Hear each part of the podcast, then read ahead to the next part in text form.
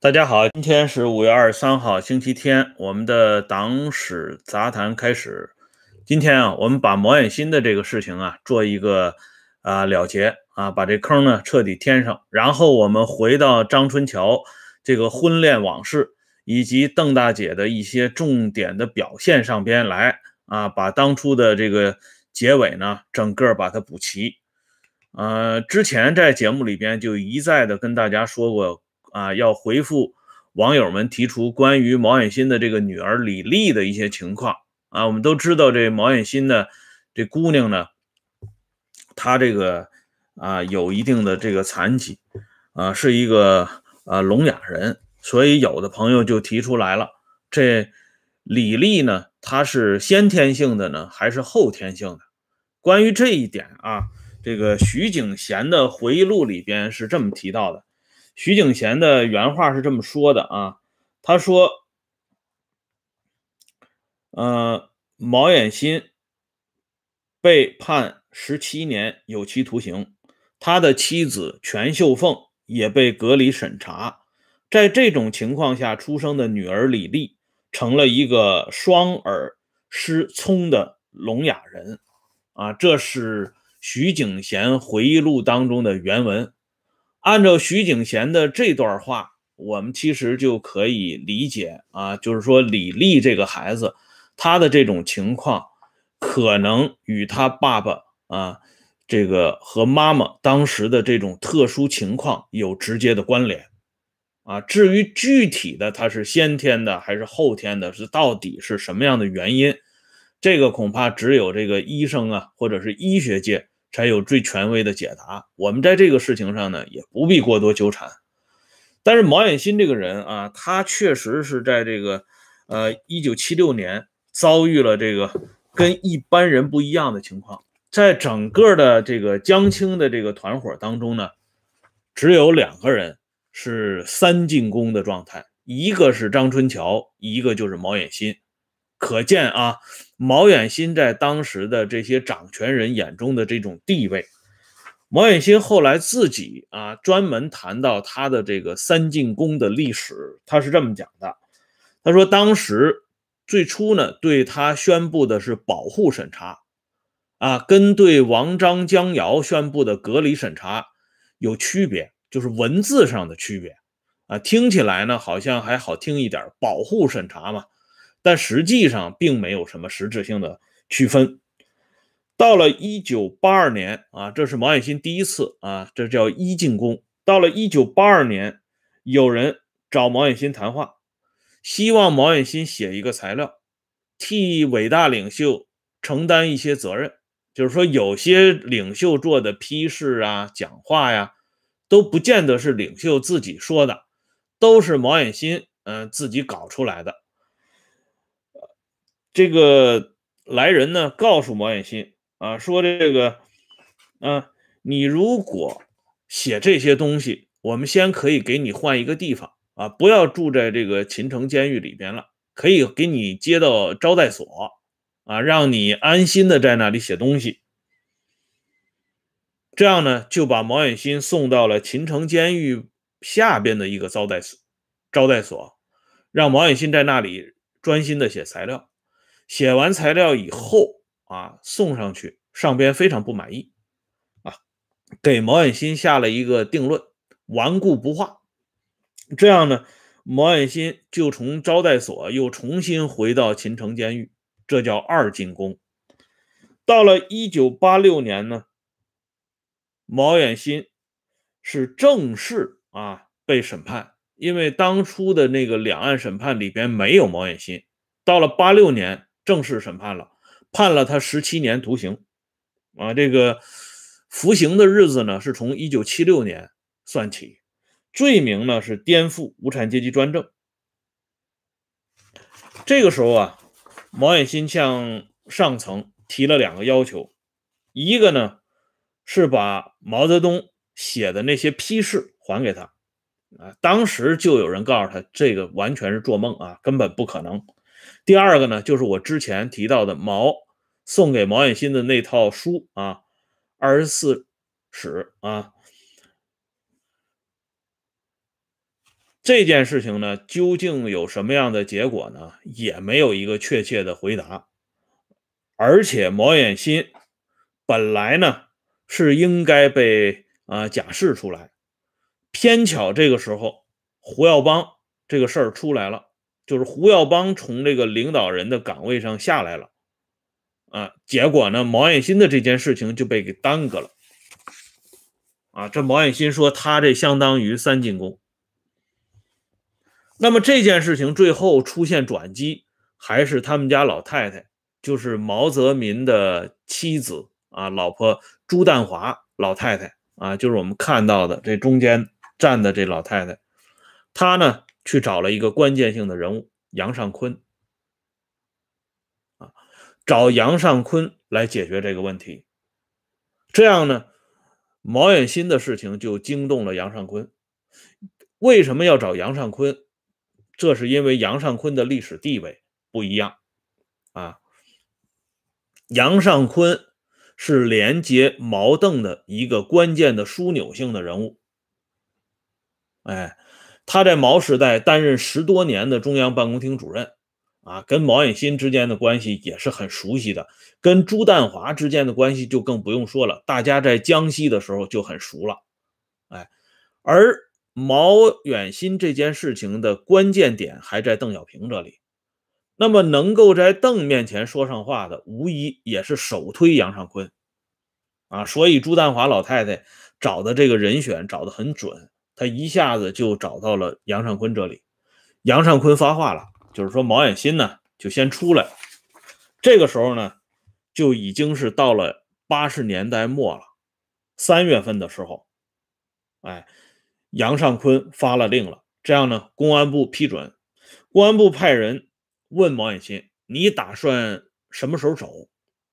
啊，毛远新呢，毫不犹豫的就说了：“明天就走啊，就是马上就走。”然后呢，公安部的人说：“你明天走啊，我们可能搞不到这个火车票。”这毛远新到底啊？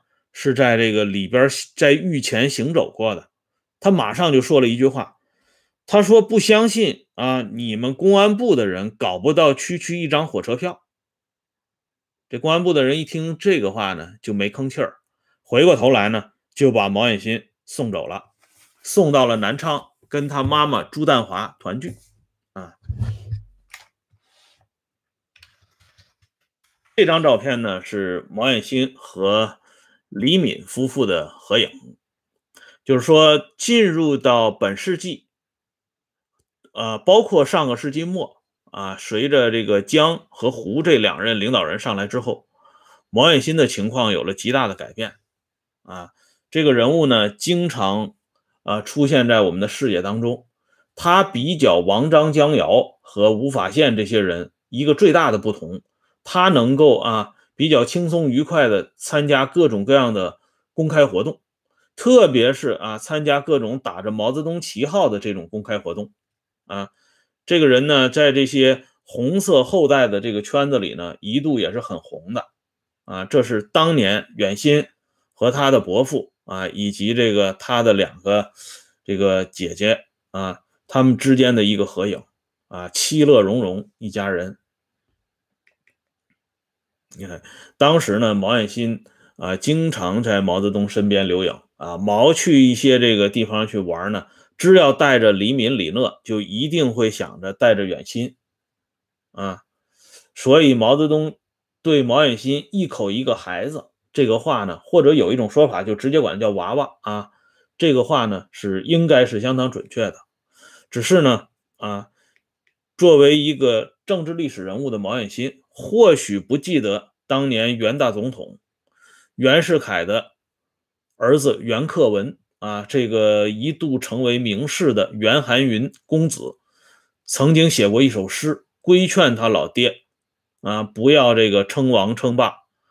其中有两句是最为脍炙人口的：“绝怜高处多风雨，莫到琼楼最上层。”啊，如果毛远新。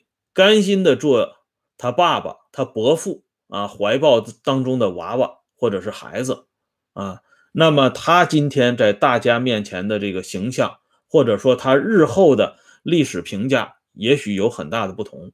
当然，我们也可以说，毛远新处在那个历史漩涡当中，很多事情可能也是不由自主的。不过，毛远新犯下的那些罪恶，这个就不能用不由自主来简单的解释了，因为他已经是成年人了，他有很大的权利，他有很大的选择空间，特别是比普通人而言。他已经高高在上，如果在这个问题上给毛远新洗地，那真的是猪狗不如啊！哎，好了，毛远新的话题呢，我们就告一段落。那么回到另外一个要到琼楼最上层的人身上，这个人就是徐景贤。徐景贤给毛远新保媒，那徐景贤呢，还给另外一个重要人物啊当过媒人。这个人物就是张春桥，在张春桥的婚恋历史过程当中，邓颖超邓大姐是起了一个非常关键的、无法替代的作用啊！这个作用确实是很厉害啊！这个事情呢，我们放在后边详细给大家说。我们先来看一下张春桥的婚恋往事。张春桥在抗日战争时期，一九四二年、一九四三年，他是担任了《晋察冀日报》的副总编辑，啊，跟邓拓他们两个人搭班子，所以张春桥对邓拓一直有非常好的印象。原来叶永烈先生写的传记当中呢，对张春桥和邓拓之间的关系做过解读，但是那个解读啊，我个人认为不够客观，就是说。对张春桥与邓拓之间的关系呢，更多的是从政治角度来看。其实张春桥与邓拓之间的感情还是不错的啊。当然，邓拓后来的这个啊获罪，那是张春桥没有办法解救的。在张春桥进入到《晋察冀日报》担任副总编辑的时候，张春桥和他后来的老婆李文静结识了，因为。这位张副总编辑经常接到来稿，这个稿子呢，呃，署名叫李岩，这个名字一听就是一个男同志的名字，啊，所以张春桥也没有多想，啊，经常呢就是批发这个稿子，呃，接触的多了之后呢，张春桥就想跟这个作者呢见个面，了解到这个作者呢是在北岳区党委宣传宣传部工作，于是呢。找了一个好日日子，两个人就见面了。一见面，张春桥啊大吃一惊，站在他眼前的这位李岩同志，居然是个女的。她的真实的名字叫李淑芳，化名叫李若文、李岩。啊，这个女同志呢，写文章很有一套，而且说话呢滴水不漏。张春桥对李淑芳。印象非常之好，从此呢，两个人就奠定了进一步交往的基础。一来二去呢，两个人就都产生感情了，决定呢往一块凑凑啊，结合成为一个家庭。这个也是人之常情。但不幸的是啊，发生了一个呃让张春桥和李文静都没有办法想到的事情。一九四三年十二月八号这一天。李文静被日军给抓起来了啊！日本人呢进村了，这李文静逃的比较慢，就让人给逮住了。逮住以后呢，那个李文静啊向日军自首啊，给他送到这个日本这个在石家庄的宪兵队。送到那儿以后呢，这李文静啊给日本人呢写了一堆文章。啊，什么我们不再受骗，弃暗投明，李老太太的悲哀等等啊，宣传日本人的一些东西，这个已经就是李文静本人的政治污点了。那么，按照当时张春桥的这个情况，张春桥完全可以放弃这个李文静，不跟他结婚。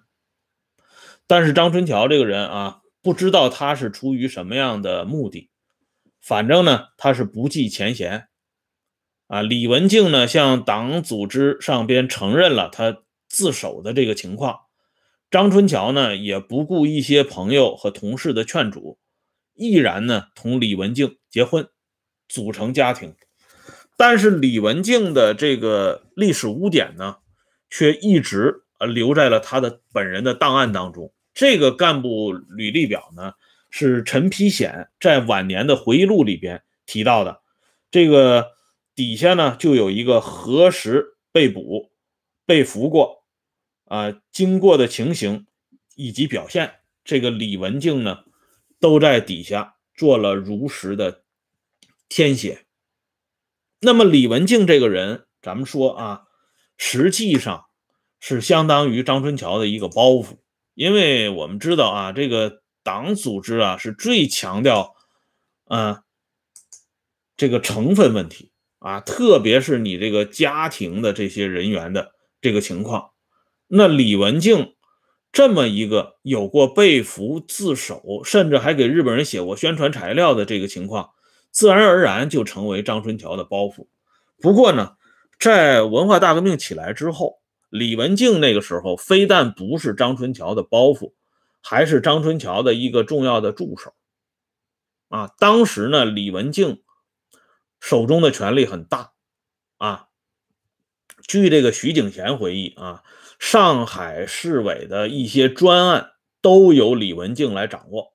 李文静呢，可以看很多康平路的大人物的专案材料，并且李文静还跟张春桥一手扶植起来的一个小组，叫“扫雷纵队”啊，化名叫“二四四小组”。这个小组的负责人叫尤雪涛啊，这个人是替张春桥包打听的。啊，专门替张春桥打听各路消息，很多当时康平路的大人物，像王绍庸啊、王洪文呐、王成龙啊，他们的情况，徐景贤不一定知道，但是张春桥通过尤雪涛都了解的一清二楚。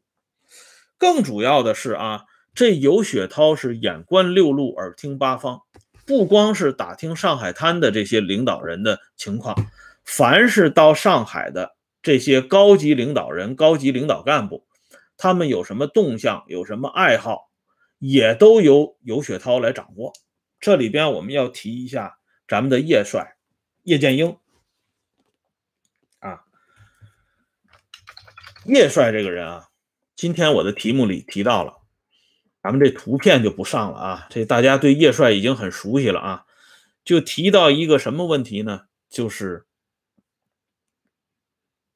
叶帅这个人兴趣很广泛啊，他在这些方面呢，啊，比一般的老同志们要多一些啊。这里呢，咱们具体说这个跳舞这件事情啊。据这个当初在中南海陪领导人跳舞的啊这几个女同志呢，晚年写过文章，是公开发表在《炎黄春秋》啊，二零一一年这个。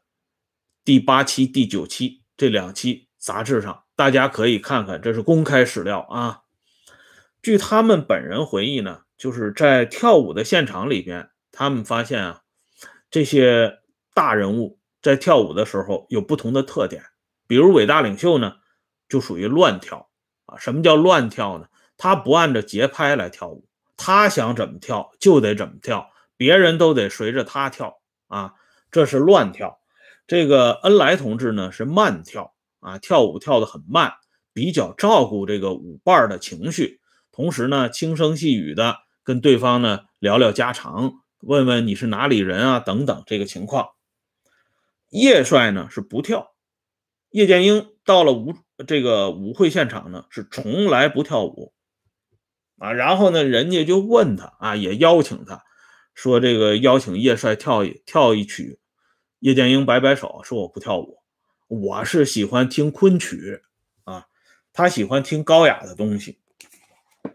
那么由叶剑英这喜欢听高雅的这个东西呢，就引出了叶剑英到上海的一段专案材料。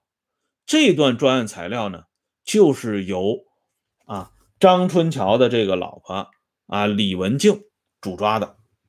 叶剑英到上海来之后，啊，他是专门接见了上海市的戏曲学校昆曲班的演员，然后呢，这些演员跟叶剑英在锦江饭店呃见了一面，尤雪涛那边马上就了解到情况了，这个情况汇总到李文静和张春桥夫妇当中，就是说，啊，叶剑英见了谁啊，跟谁在一起，说了哪些话。啊，有哪些活动，都搞成啊绝密的材料。那么张春桥呢，了解到这个情况之后，张春桥就跟这徐景贤讲了，这都是徐景贤本人回忆的啊。他说：“你看看叶剑英这个人，主席保了他，结果他到上海来以后，还是找了那些文化大革命以前的那些人，尤雪涛把他们的情况、他们的谈话都汇报到我这里来了。言外之意呢？”你们徐景贤这些人啊，反应太迟钝了。叶剑英这么一个大人物到上海，有这么大一个动静，你们都没有给我反应过来啊，反而是这个尤雪涛告诉我了。就在这个时候啊，李文静就发话了。李文静就说了这么一句话，他说啊，我看尤雪涛这个人可以当上海市公安局局长。哎，这个话呢，也是徐景贤回忆的。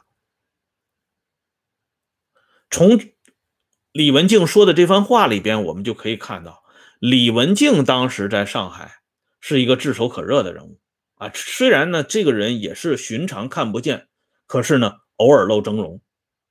像上海市公安局局长这么重要的位置啊，一般人谁谁敢智慧呢？只有李文静，他居然能提出人选来。但是就这么一个啊，这么厉害的这么一个人物，他跟张春桥后来为什么就离异了呢？张春桥这个人啊，我们这里简单说一下，这个人是在政治上给完全批臭了的一个人。可是不管怎么批张春桥啊，我们知道这个组织上批一个人啊，最喜欢在他生活问题上做文章，但是在张春桥这个人身上，你在他的生活作风问题上。你没有文章可做。张春桥和李文静结婚，一共生了四个孩子，夫妇感情非常好。张春桥从政以来，从来没有接触过李文静之外的第二个女性。啊，他在生活作风上是相当干净的。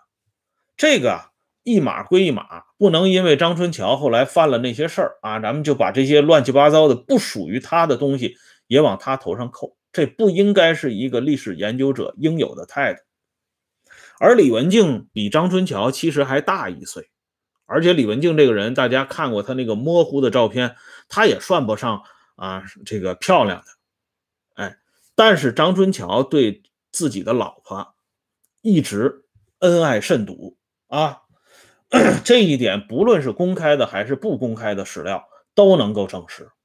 可是这两个人为什么到了七十年代中期的时候就分手了呢？这里边就要讲一下邓大姐的手段了。这个手段啊，我们留在明天接着说。感谢朋友们上来收看支持啊，欢迎大家关注温相说时政会员频道，周一到周五每天都有更新。今天就说到这里。再见。